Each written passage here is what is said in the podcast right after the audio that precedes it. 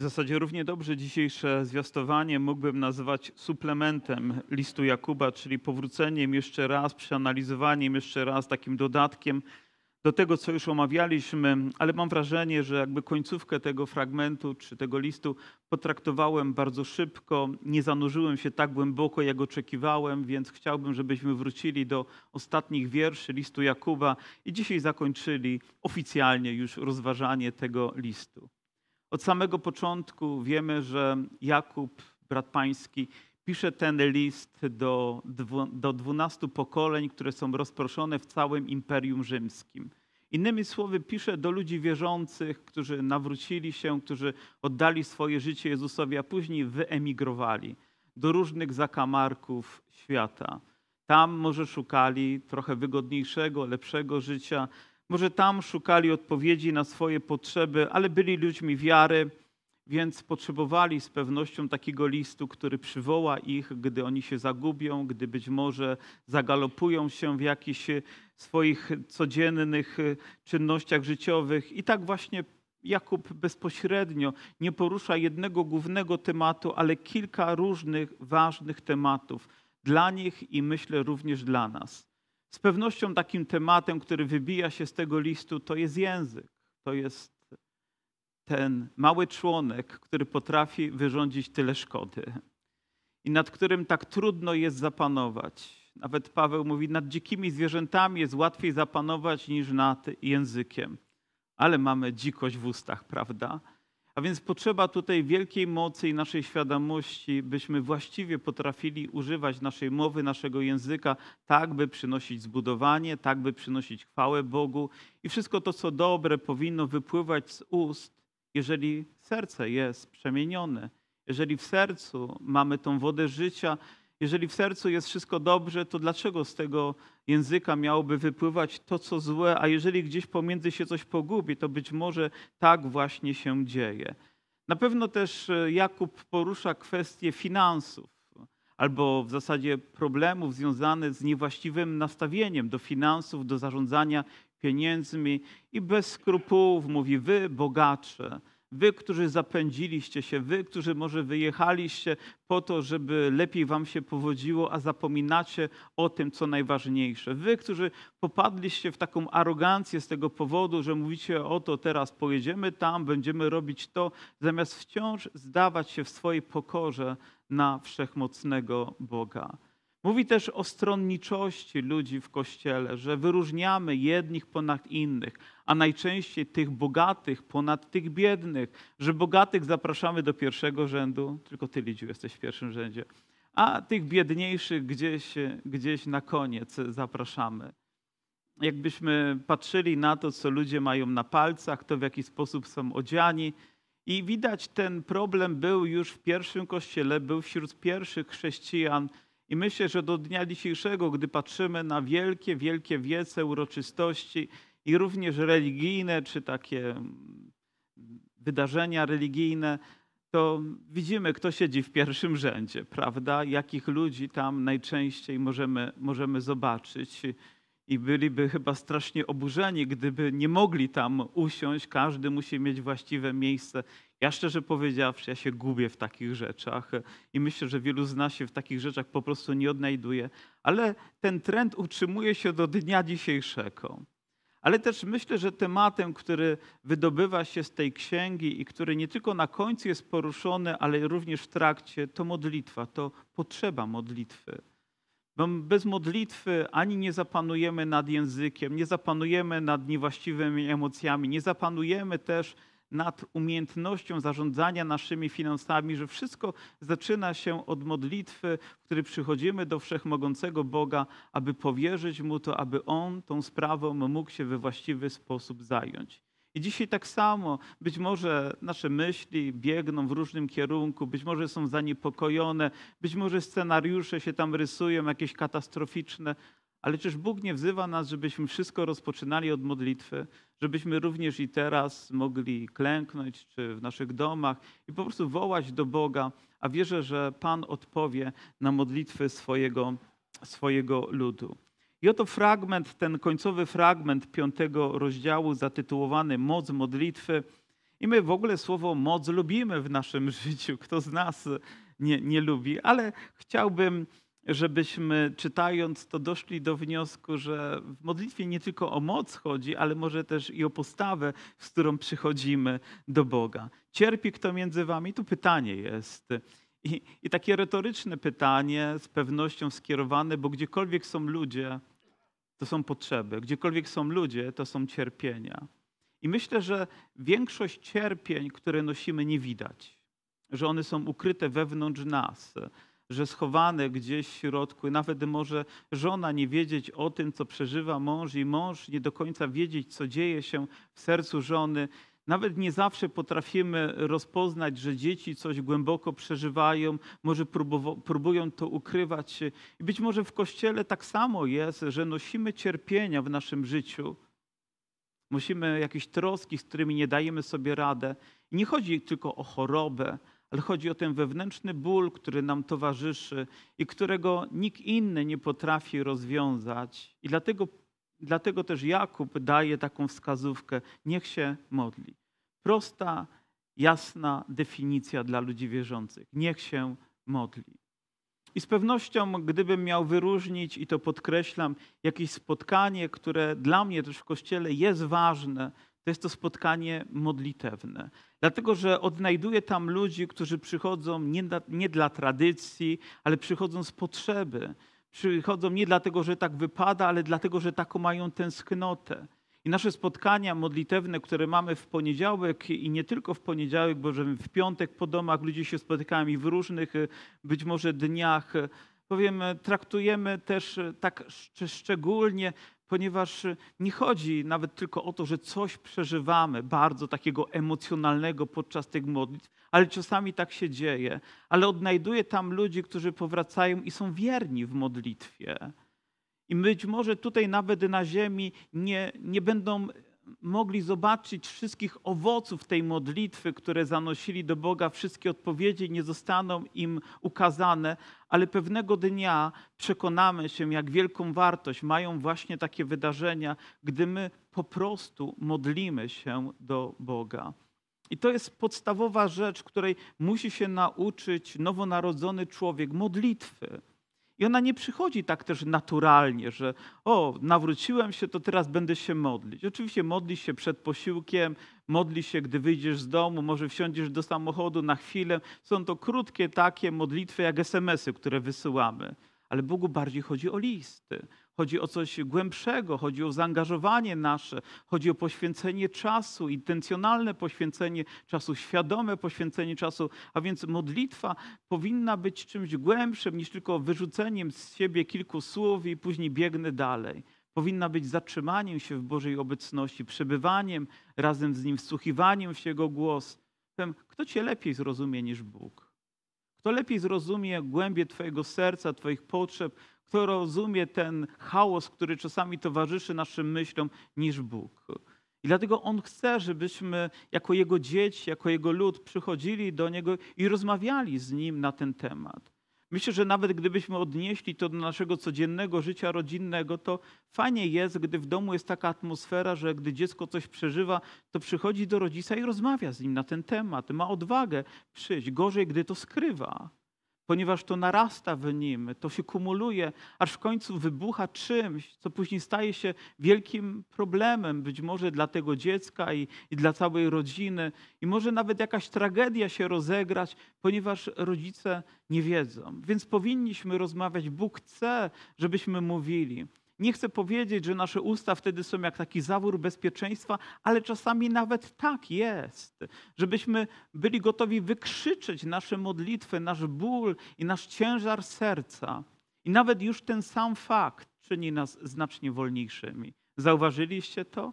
Jak wielka, o Panie, zachodzi przemiana, gdy przed Twym obliczem uginam kolana. Jak wielkie z mej duszy spadają ciężary, pustynia na ogród przy... Czy coś tam takiego, no już powiem, z poezji chyba nigdy nie byłem mocny, ani ze śpiewania, ale, ale przemienia się nasze serce z pustyni na ogród po prostu.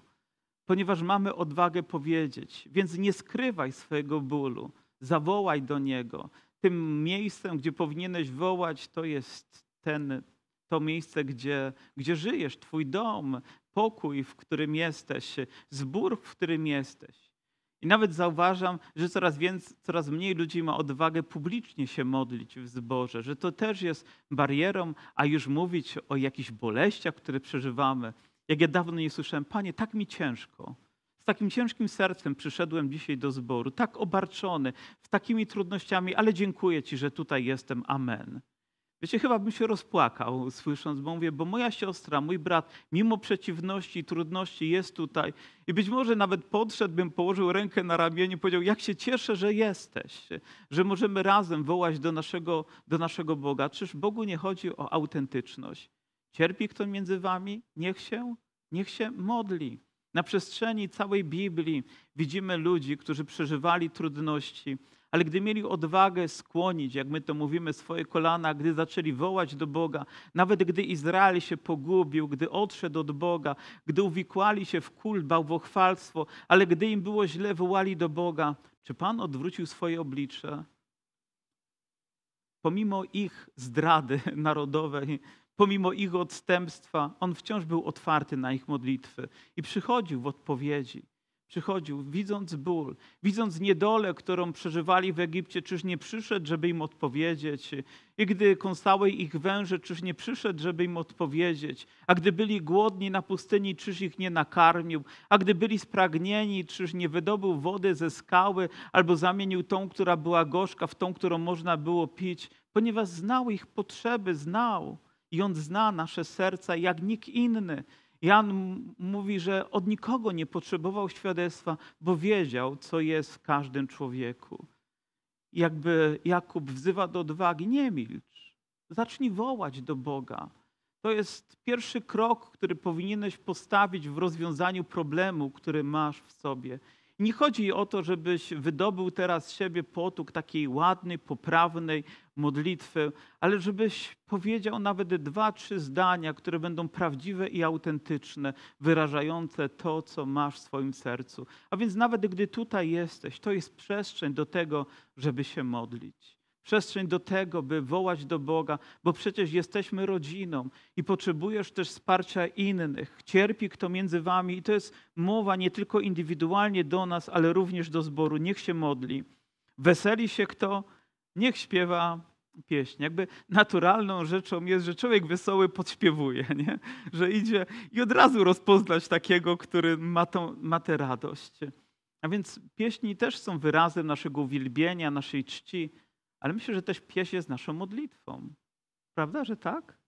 Że to nie jest tak, że śpiewamy tylko melodię, która jest piękna i poruszająca i ona sama może inspirować i uwielbiać też Boga, w co głęboko wierzę, ale ona angażuje całe nasze serce. Ile razy jakaś fraza, jakaś zwrotka, jakieś odniesienie w tej pieśni było odpowiedzią na potrzeby naszego życia. Powiedzcie, ile razy przeżywaliście to ze łzami w oczach? Mówię, Boże, aż tak znasz moje serce? Że nawet ta pieśń na początku jest potwierdzeniem tego, co przeżywam? Ile razy ja, nawet przygotowując się do kazania, oczekiwałem, że Bóg w jakiś sposób potwierdzi mi to, i przychodzę i zaczynamy śpiewać pierwszą pieśń i mówię, Boże, no Ty się nigdy nie mylisz, ponieważ nawet już pierwsze słowa świadczą o tym, że to jest właściwe. Zatytułowałem dzisiejsze rozważanie, abyśmy modlili się jedni za drugich, jedni o drugich, jedni z drugimi żebyśmy modlili się. I znowu człowiek potrzebuje potwierdzenia. I dzisiaj rano, myśląc o tym słowie, chodzę po domu, rozmyślam i telefon. Broni, y, dzwoni brat Kosowski, znacie brata Leszka Kosowskiego. I mówi, pastorze, pastorze, tak dziękuję zborowi za modlitwę, ponieważ ja je odczuwam. I znowu potwierdzenie, jak potrzebna jest modlitwa jedni o, o drugich. Czy potrzebuje większych dowodów? Nie wiem, czy jeszcze szczególny znak na niebie Pan Bóg ma palcem napisać, żeby powiedzieć swoje tak, swoje o, dobrze robisz. Czy po prostu nawet taki telefon dla mnie jest potwierdzeniem, że Bóg chce, żebyśmy modlili się jedni o drugich. Nawet żebyśmy byli znani z tego, że gdy ktoś zwróci się do nas z prośbą, to my jej nie zlekceważymy, że będziemy w tej sprawie bojować i modlić się. Nieraz to jest jedna modlitwa, ale nieraz to są tygodnie, a może nawet miesiące, a czasami lata modlitw, a czasami trzeba się o tą rzecz niezmiennie, codziennie modlić, by ją przezwyciężać w naszym życiu. I myślę, że wielu ludzi nosi taki ciężar w swoim sercu, który nie kończy się tylko po jednej modlitwie, ale on powraca czasami ten problem i niezmiennie potrzebujemy wołać. Ale Bóg też daje rozwiązanie. Przychodzi czas radości, przychodzi czas wesela, czas uwielbienia, czas, kiedy Kościół nie milczy, kiedy go wywyższa. I, i chce Bóg, żeby tak było. Choruje kto między wami. Widzicie te zagadnienia, które są tutaj, jakby uwalniają też mnie do tego, żeby powiedzieć, że w kościele są choroby. I gdyby ktoś w naszym zborze powiedział, że jak ktoś choruje, to jest niewierzący, to nigdy z takim stwierdzeniem nie możemy się zgodzić. Nigdy. Nigdy nie możemy pozwolić na to, by takie stwierdzenia zostały utwierdzone w nas, ponieważ one spowodują wielki rozłam w zborze, wielkie zniszczenie wewnątrz nas, bo nie ma tutaj ani jednej osoby, która by w jakimś momencie swojego życia nie zachorowała. I być może nawet niektórzy z nas zachorowali śmiertelnie. Być może nawet wyrok na nas ciążył. I mówię tutaj o sobie, bo nawet ślepa kiszka odmówiła mi wzroku. Odmówiła mi posłuszeństwa i gdyby nie ingerencja lekarzy, gdyby nie to, że ten wyrostek który się tam rozlał, już ta ropa się rozlała, czy co tokolwiek tam było, Panie Boże, Ty wiesz, to by mnie nie było. Ale wierzę, że Bóg w odpowiednim momencie zaprowadził mnie tam, odpowiedni lekarz stanął przed moim łóżku, zbadał mnie, podjął właściwą decyzję, ktoś dokonał tego i żyje. I dzisiaj jestem też i za to wdzięczny, i jestem w tym bardzo pokorny. To nie znaczy, że też nie dopadnie mnie grypa albo jakieś inne, ale wierzę, że we wszystkim mogę zwrócić się do mojego Boga, gdy jestem w potrzebie i gdy jestem chory. Dlatego też to stwierdzenie pada: choruje ktoś między wami. To nie jest pytanie, o na pewno nikt nie choruje, tylko zawsze się jakaś grupa odezwie. Gdybym was pytał, choruje ktoś między wami? Czy ktoś ma nadciśnienie, ktoś ma dolegliwości wewnętrzne, ktoś ma jakiś niepokój o swój stan zdrowia, ma jakieś symptomy, które mogą być niebezpiecznymi, objawiamy dla niego. I znowu Boże Słowo daje nam definicję. Niech przywoła starszych zboru i niech się modlą nad nim. I znowu słowo modlitwa nad nim. A więc nie tylko on sam, ale potrzebuje innych w modlitwie. Potrzebuje ludzi doświadczonych w modlitwie, ludzi, którzy nauczyli się wcześniej modlić, by wypowiadać te słowa wiary, te słowa modlitwy nad czyimś życiem. Naszą wiarą czasami jest to, żeby przyjść do brata, który ma doświadczenie, żeby on dalej mnie poprowadził, byśmy stanęli razem z Bogiem. Myślę, że również bardzo przykrą rzeczą byłoby to, gdybyśmy uznali, że jesteśmy indywidualistami i nikogo nie potrzebujemy. Ja już jestem na tyle silny, ja już na tyle wiem, na tyle jestem dojrzały, że dam sobie radę. Diabeł kocha takie słowa, ponieważ za chwilę będziesz tak powalony, będziesz w takim doświadczeniu, że nie dasz sobie rady. Dla mnie to jest droga, która, która bardzo łatwo sprowadza nas z tej właściwej, albo gdzieś tam jakiś, jakaś pokusa jest pójść na skróty, nie tą drogą, którą Bóg nas prowadzi. Jego nauka jest wyraźna. Cierpi kto, niech się modli choruje kto między wami, niech przywoła starszych zboru, a ci niech się modlą. I słowo starszych to nie tylko oznacza, że to jest rada, chociaż w naszym wypadku to jest rzeczywiście rada. To są ludzie, którzy mają doświadczenie w wierze, mają doświadczenie w modlitwie, którzy są gotowi poświęcić swój czas i swoje serce, mają wiarę i rzeczywiście będą to robić, aby razem z Tobą się modlić. Kiedyś e, pamiętam, z kimś rozmawiałem na temat modlitwy z olejem i ta osoba popatrzyła na mnie z przerażeniem. Wiecie dlaczego? Bo myślała, że to jest ostatnie namaszczenie. Ponieważ gdzieś w naszej kulturze przyjęło się, czy w naszym systemie religijnym, że jak już ktoś idzie duchowny z olejem, to już koniec, to już kaplica musi być. Ale Biblia w tym momencie tak tego nie stwierdza to powinno być bardzo naturalne, że nim sięgniemy po aptekę, to powinniśmy sięgnąć po olej. i powinniśmy modlić się o to, żeby Bóg rzeczywiście zadziałał. Kiedyś po jednym z takich e, nabożeństw, gdzie również o tym wspomniałem i mówiłem, że nawet w chorobie powinniśmy dać pierwszeństwo Bogu. W znaczeniu, że przyjść do Niego z tym, a nie szukać gdzie indziej. Przyszła siostra i mówi, wiesz co, ja zrobiłam odwrotnie. Najpierw wszystkich gdzieś tam odwiedziła, którzy mogli jej pomóc, a na końcu zwróciła się do Boga. Myślę, że właśnie nie tak postępuje człowiek wierzący, ale wszystko powinno rozpoczynać się od Boga. Nawet gdy to jest, wydaje się, zwykły ból głowy. O, nauczyłem się w moim życiu, że nie traktuję bólu głowy w sposób zwyczajny, zwłaszcza gdy na przykład widzieliście kogoś, kto miał taki migrenowy, ciężki ból głowy. Widzieliście taką osobę? Która nie daje sobie rady, odchodzi od zmysłów, ma torsję, nie wiadomo co się dzieje, to jest straszne, więc nie możemy nawet takich rzeczy lekceważyć, ale powinniśmy we wszystkim zdać się na boka. Dzisiaj oczywiście, gdyby kogoś zaatakował wyrostek na tym miejscu, no to mamy numer odpowiedni, dzwonimy, przyjeżdżają, i oby było miejsce w szpitalu z powodu sytuacji, jaką mamy, ale jest nadzieja, ale wiecie, co by zrobił Kościół 100 lat temu, gdy jeszcze nie przeprowadzano operacji, nie było telefonów nawet, musiałby się modlić, nie? Musiałby się modlić. W zasadzie nie miałby wyjścia. Nawet wtedy wyrostek robaczkowy musiał być obmodlony tak, żeby, żeby z tego wyjść.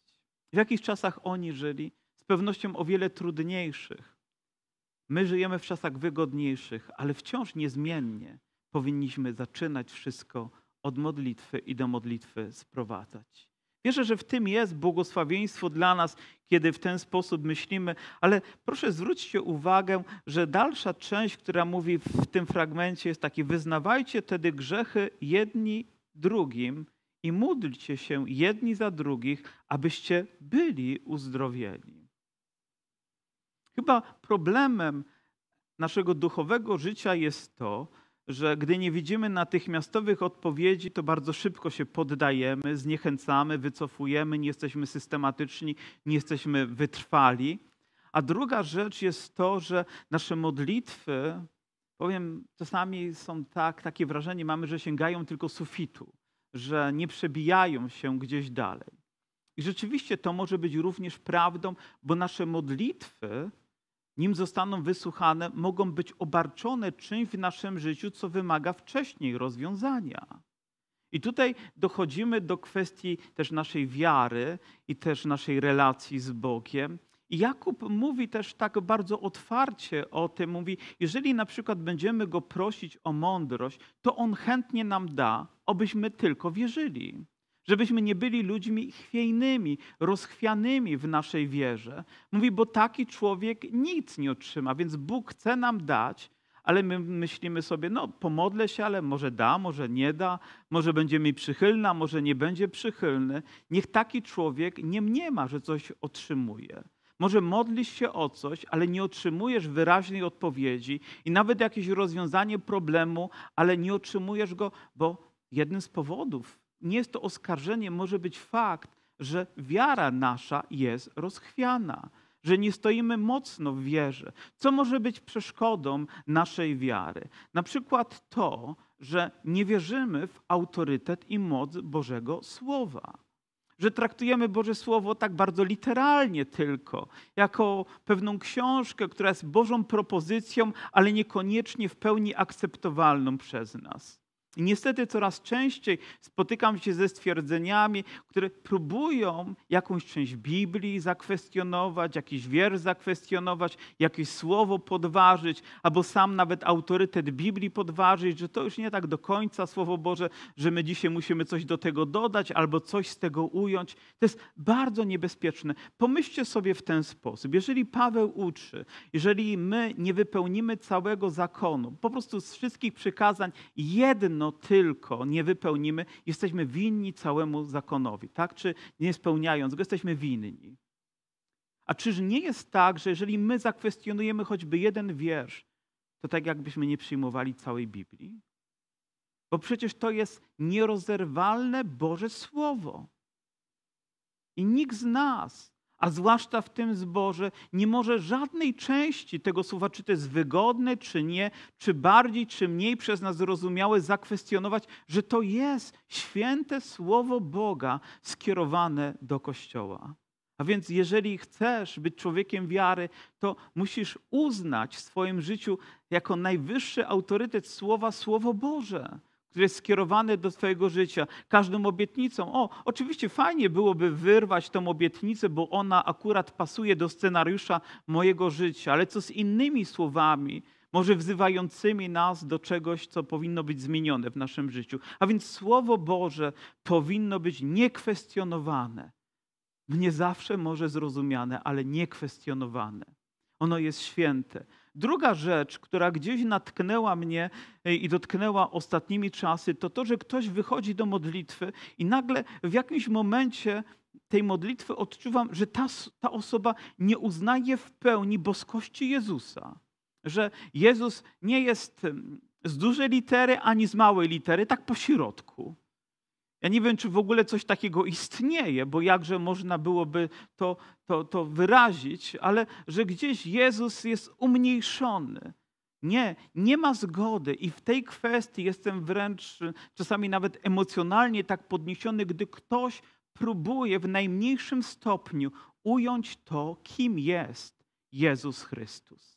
I nawet zauważam, jak my, gdy modlimy się, gdy wołamy do naszego Pana, to tak no, trochę na okrągło. Oczywiście do Boga jako, jako Boga takiego gdzieś tam wołamy, ale przecież On objawił nam się w Jezusie Chrystusie. I ja uważam, że za zasadną na przykład nawet modlitwę przy wieczerzy, gdy modlimy się, Panie, dziękuję Ci, że przyszedłeś tutaj, aby oddać za mnie swoje życie. Tak? Panie Jezu, dziękuję Ci za przelaną Twoją krew. Oczywiście zawsze mówię, o później w imieniu tam Jezusa, ale do samego Jezusa ja zwracam się codziennie w moim życiu. Dlaczego? Bo jestem chrześcijaninem, ponieważ jestem Chrystusowcem. I te modlitwy takie chrystocentryczne również gdzieś grzęzną, gdzieś są umniejszane. Nie możemy tego pominąć, dlatego że to pachnie takim ewangelicznym sekciarstwem ale nie chrześcijaństwem w całej pełni. A więc jeżeli zwracasz się do Jezusa, który macie uzdrowić, to uznajesz również Jego boskość, uznajesz Jego moc i autorytet nad Twoim życiem i również nad Twoją chorobą. Nie możemy tutaj iść na żaden kompromis. I kolejna rzecz, która może być przeszkodą również w naszej wierze, to grzech. To trwanie w świadomym grzechu. Przychodzisz z tym grzechem, Modlisz się, wychodzisz z tym grzechem. Powracasz z tym grzechem, modlisz się i wychodzisz z tym grzechem i mówisz, chrześcijaństwo nie działa. Nie działa, bo ty nie spróbowałeś go. I jedną z rzeczy, którą potrzebujemy zrobić i do czego obliguje nas tutaj Boże Słowo, to mówi, wyznawajcie tedy grzechy jedni drugim. Jedni drugim. Czyli innymi słowy, potrzebujemy powiedzieć o niektórych tajemnicach naszego życia, i zastanawiacie się, co on teraz powie. Nie? Czy, czy pastor chce, żebym stanął tutaj na środku i powiedział o, o problemach mojego życia, które nawet nie chcę, żeby najbliższa mi osoba usłyszała, a co dopiero cały zbór, byłoby o czym gadać w kafejce, nie? Nie, nie myślę, że powinniśmy tak robić, ale myślę, że powinniśmy znaleźć kogoś, kto jest godny zaufania, by mu o tym powiedzieć. Rozwiązaniem problemu grzechu jest również wyznanie tego grzechu. Ale są takie grzechy, które wyznaliśmy, one odeszły, chwała Bogu, zostały rzucone w głębi oceanu, chwała Bogu, więcej do nich nie musimy, nie będziemy wracać, już zostały zabetonowane kilka razy i nie ma mo możliwości, żeby wróciły ale są takie, które jak bumerang wracają. Co z nimi? I dopóki żyjemy w kłamstwie, okłamując samych siebie, że jest dobrze, a tak nie jest, to możesz modlić się, możesz modlić się, możesz modlić się, możesz modlić się, możesz modlić się i możesz jeszcze raz się modlić, a i tak nie zostanie to nie, nie, nie znajdzie to odpowiedzi. Pozwólcie, że przeczytam wam pewien fragment z księgi Izajasza. O, Stary Testament, ale Izajasza chętnie cytujemy, zwłaszcza gdy odnosi się tam jakaś obietnica dla naszego życia. I wtedy mówił, ale wspaniale, Izajasz przemówił do mnie. Ale gdy rzuca nam wyzwanie, to być może ten fragment mniej chcemy rozważyć. I oto w pierwszym rozdziale, więc już na samym początku mówi tak. A gdy wyciągacie ręce swoje, zakrywam moje oczy przed wami. Naprawdę nie chciałbym oglądać takiego obrazu duchowego, że Kościół ma zwrócone ręce do Boga, a Bóg mówi: Nawet patrzeć na to nie mogę, ponieważ tak ciężko mi jest uwierzyć w to, że robicie to autentycznie. Oczywiście tak nie jest pewnie. Mówi, choćbyście pomnożyli wasze modlitwy, nie wysłucham was. Choćbyście więcej i więcej i więcej się modlili, pomnożyli je i dołożyli jeszcze, to nie wysłucham wam, jeśli, bo na waszych rękach pełno krwi. Obmyjcie się, oczyście się, usuńcie wasze złe uczynki sprzed moich oczu, przestańcie źle czynić. I później uczcie się dobrze czynić, przestrzegajcie prawa, brońcie pokrzywdzonego, wymierzajcie sprawiedliwość sierocie, wstawiajcie się za wdową. Czy wiecie, że wszystkie te rzeczy, o których mówi Izajasz, porusza Jakub? Gdybyście przeczytali uważnie cały list, to, to stwierdzilibyście, no przecież Jakub mówi, że mamy się zająć sierotą i wdową. Mamy obmyć ręce grzesznicy. Jakby cytował Izajasza albo parafrazował Izajasza po to, żeby Kościół mógł lepiej to zrozumieć. Żebyśmy my mogli lepiej zrozumieć.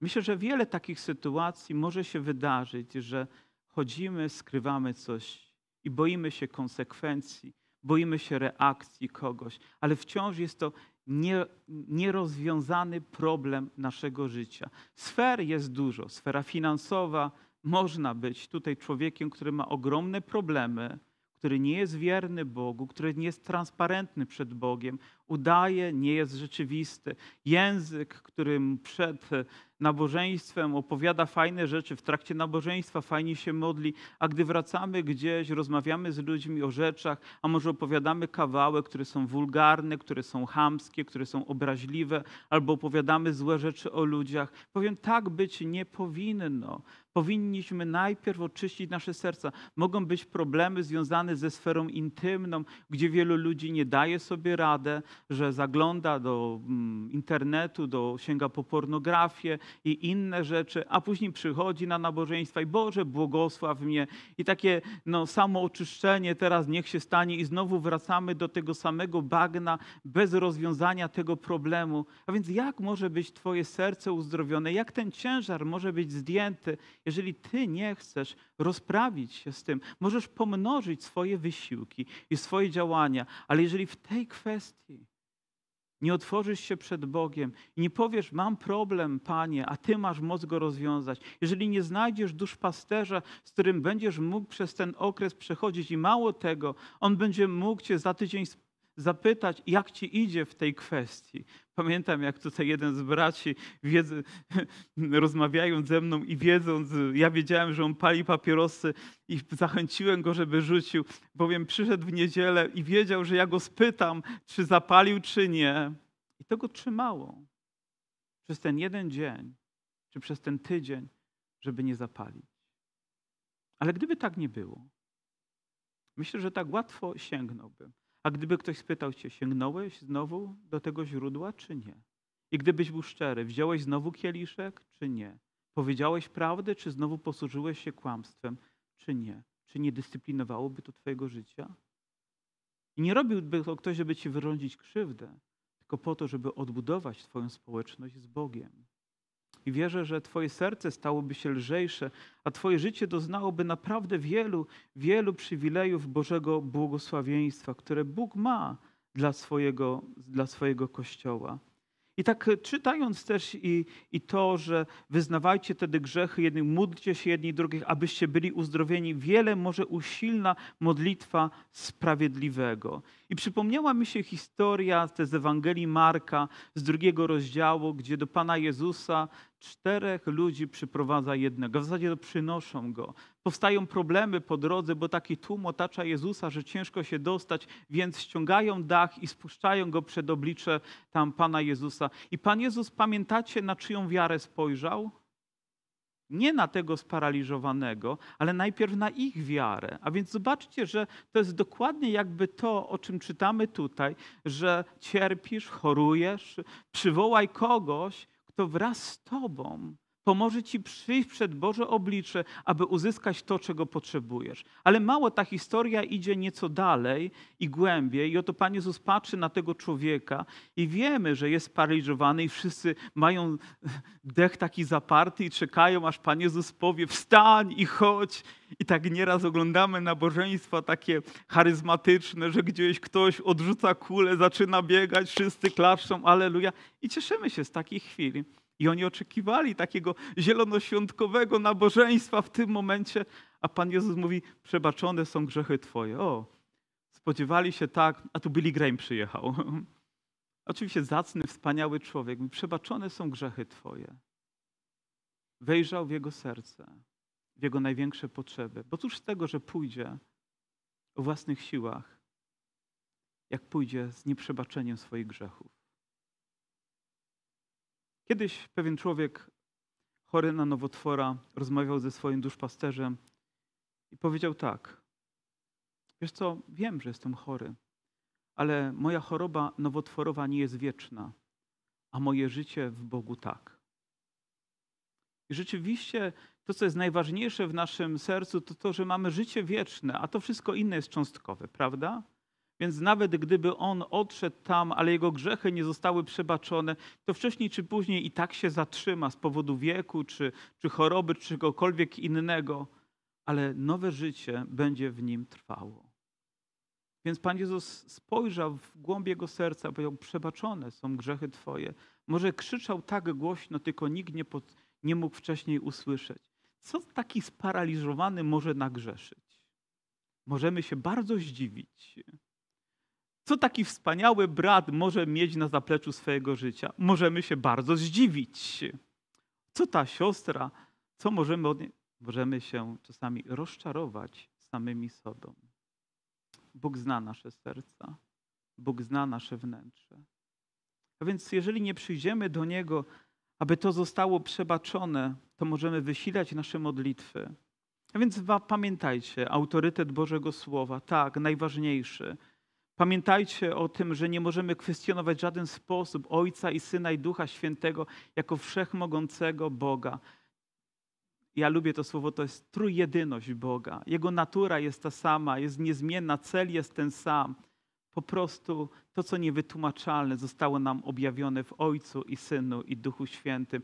I w pełni to akceptuję i dzięki temu żyję. Aleluja. Jestem pełen pokoju, jestem pełen, pełen nadziei ale też muszę dbać o to, by na zapleczu mojego serca nie pojawiło się nic, co sprawi, że nie będzie mi się chciało modlić.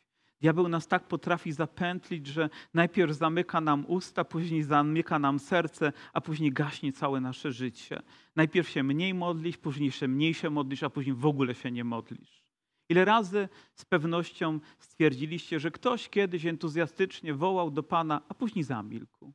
Prawda? Później gdzieś jego głos ugrzał. Czy tak dojrzał, że już nie potrzebuje się modlić?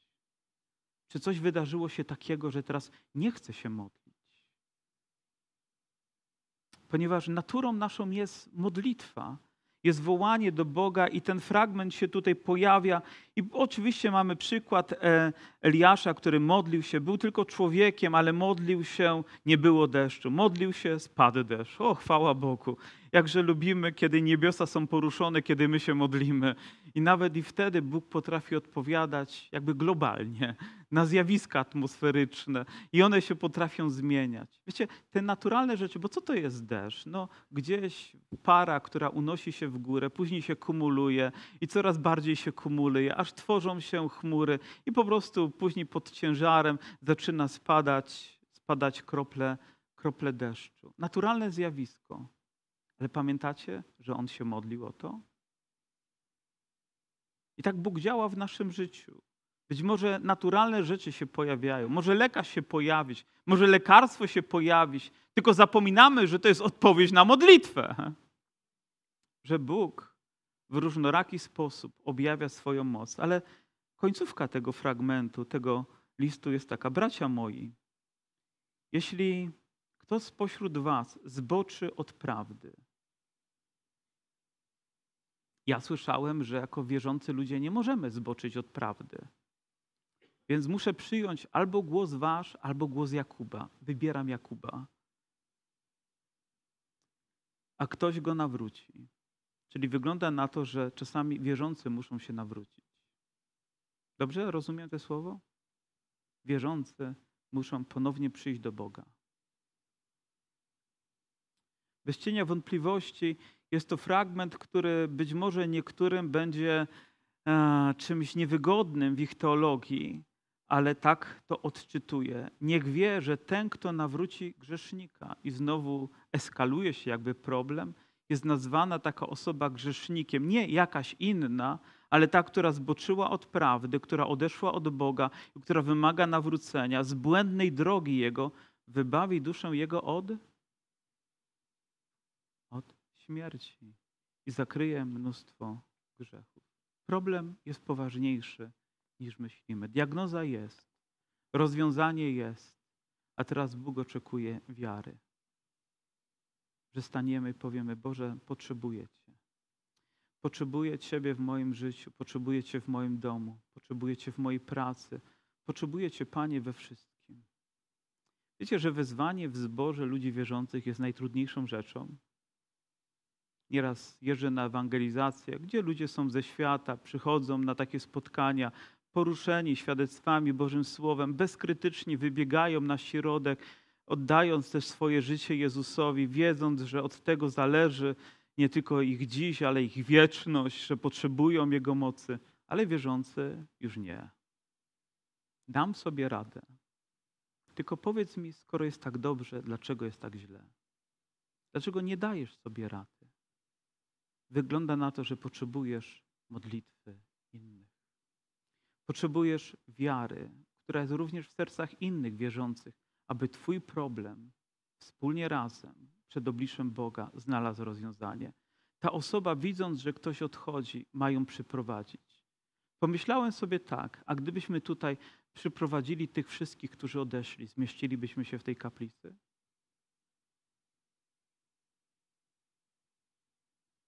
Nie. Więc zobaczcie, ilu odeszło. Ilu dzisiaj nie ma, którzy są nam również bardzo bliscy.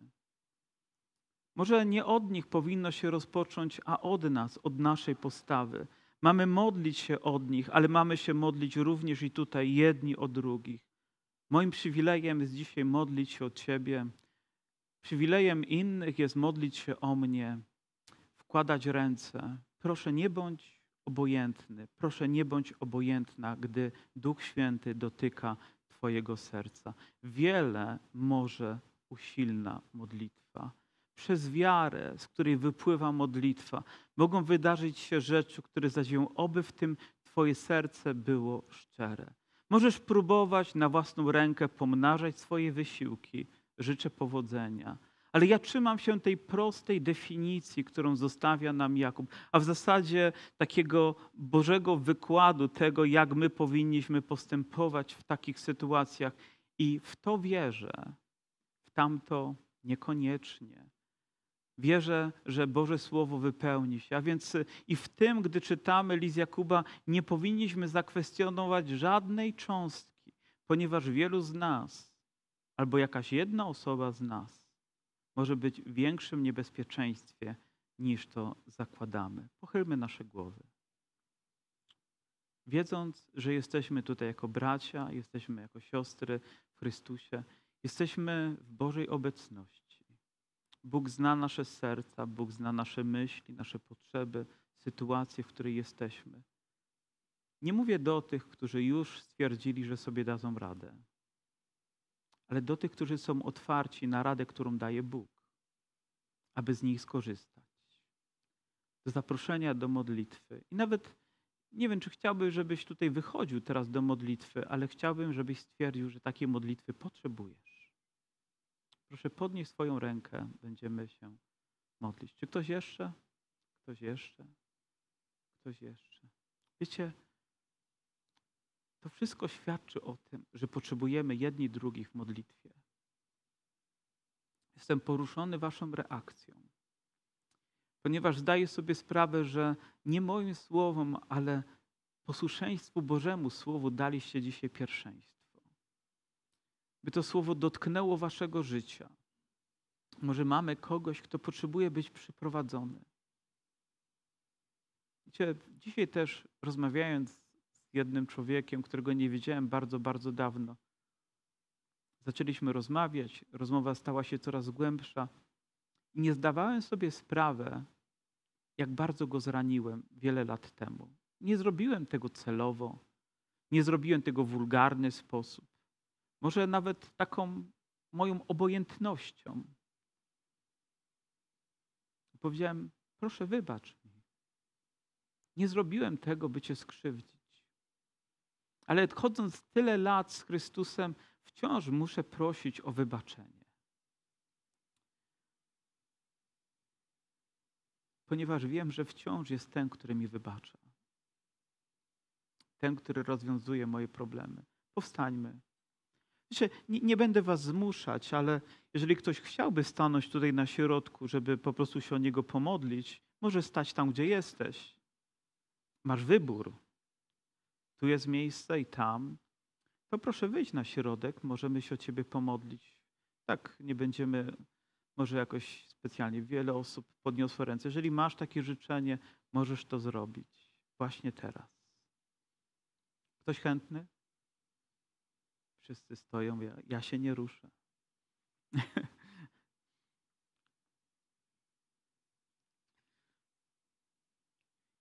Jedna z moich takich zalet to jest to, że potrafię wyciągać ludzi z ławek, prawda? Proszę stań tutaj. Stańcie po prawej, po lewej stronie. Stańcie.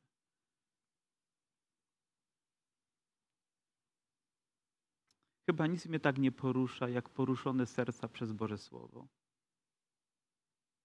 Nic mnie tak nie porusza. A miałem pokusę, żeby nie, nie było tego suplementu z listu Jakuba, ale myliłem się i chwała Ci, Panie, że byłem bardziej posłuszny Tobie niż sobie. Pochylmy nasze głowy. Jeżeli ktoś chciałby uklęknąć, może to zrobić, wiedząc, że przed Bogiem dzisiaj to wszystko czynimy. Panie, tak chcę Ci podziękować za moje siostry i za moich braci. Panie, chcę Ci podziękować, że przyprowadziłeś ich dzisiaj na te miejsce, ponieważ Tobie tak bardzo na nich zależy. Panie, i tylko Ty w pełni wiesz, co oni teraz przeżywają w swoim życiu. Ale dziękuję Ci, że każda rzecz, którą wyznajemy z głębi naszego serca, każdą rzecz, którą wyznajemy przed Twoim obliczem, jest tą rzeczą, z którą się rozstajemy. Panie, która nie powinna i nie będzie wracać do nas, gdy będziemy trwać w Twojej łasce, w Twoim słowie, w Twojej obecności chodzić. Panie, dziękuję Ci, że grzech nie będzie miał mocy nad naszym życiem. Panie, to prosta modlitwa, ale Ty masz wielką moc, by na nią odpowiedzieć. I Panie, modląc się do Ciebie, ja ufam Tobie, że Ty jesteś wszechmogącym Bogiem, nie ja. Ty, Panie, teraz dotykasz serc tych ludzi. Ty sprawiasz im swoją odnowę. Ty, Panie, nie będziesz im skąpił swojej obecności i swego ducha. I Panie, dziękuję Ci za ich szczerość i otwartość dzisiaj. I tak modlę się, Panie, by wypełniło się też Twoje słowo, które mówi, że kto się raduje, czy kto się cieszy, niech śpiewa pieśni. Panie, by wychodząc stąd śpiewali pieśń w swoim sercu. Panie, uwielbienia jak nigdy. Panie, gdyby nawet całe miasto miało się za nimi oglądać, to niech śpiewają. Panie, niech cieszą się Twoją obecnością i tym, co otrzymują z Twojej łaski. Panie, to wyjątkowa chwila. To chwila, kiedy Ty sam stajesz na drodze naszego życia. Ty sam przemawiasz do nas, Ty sam dotykasz nas. Panie, Twoja łaska i Twoja moc podnosi nas. Panie, Twoje miłosierdzie sprawia, że jesteśmy odnowieni. I Panie, dziękujemy Ci za uzdrowienie też i tego, co jest chorobą w nas, co jest niemocą, Panie, w naszym życiu. Niech tak się stanie w Twoim świętym imieniu. Panie, być może jest tu ktoś, kto nie zrobił tego. Panie, może jest jakaś rzecz w jego życiu, która nie pozwoliła tej siostrze, temu bratu tego uczynić. Panie, skróż nasze ego. Panie, by popłynęła Twoja chwała. Panie, jeżeli trzeba, jedna jako zbór, Panie, też i dotykaj tak, abyśmy zawsze byli wierni Tobie, wierni Twojemu Słowu. Spraw nam odnowę, Panie, i niech ona trwa w naszym życiu. Dziękuję Tobie za tą wyjątkową chwilę. I tak jak powiedziałeś, Panie, do tego sparaliżowanego, przebaczone są grzechy Twoje. Tak ja wiem, Panie, że każde z tych serc na podstawie wiary w Ciebie może wyznać, że przebaczone są ich grzechy. Że teraz podniesieni Twoją łaską i mocą mogą iść i kroczyć nowym, zwycięskim życiem. Panie, jeżeli choćby jedna z tych osób zawróciła ze złej drogi, z drogi grzechu i zatracenia, to Panie, mamy dzisiaj powód, żeby zapląsać dla Ciebie z radości i wdzięczności, wiedząc, że dokonało się tak wielkie dzieło zbawienia. Amen. Amen. Amen. Niech nas Pan błogosławi. Amen. Amen.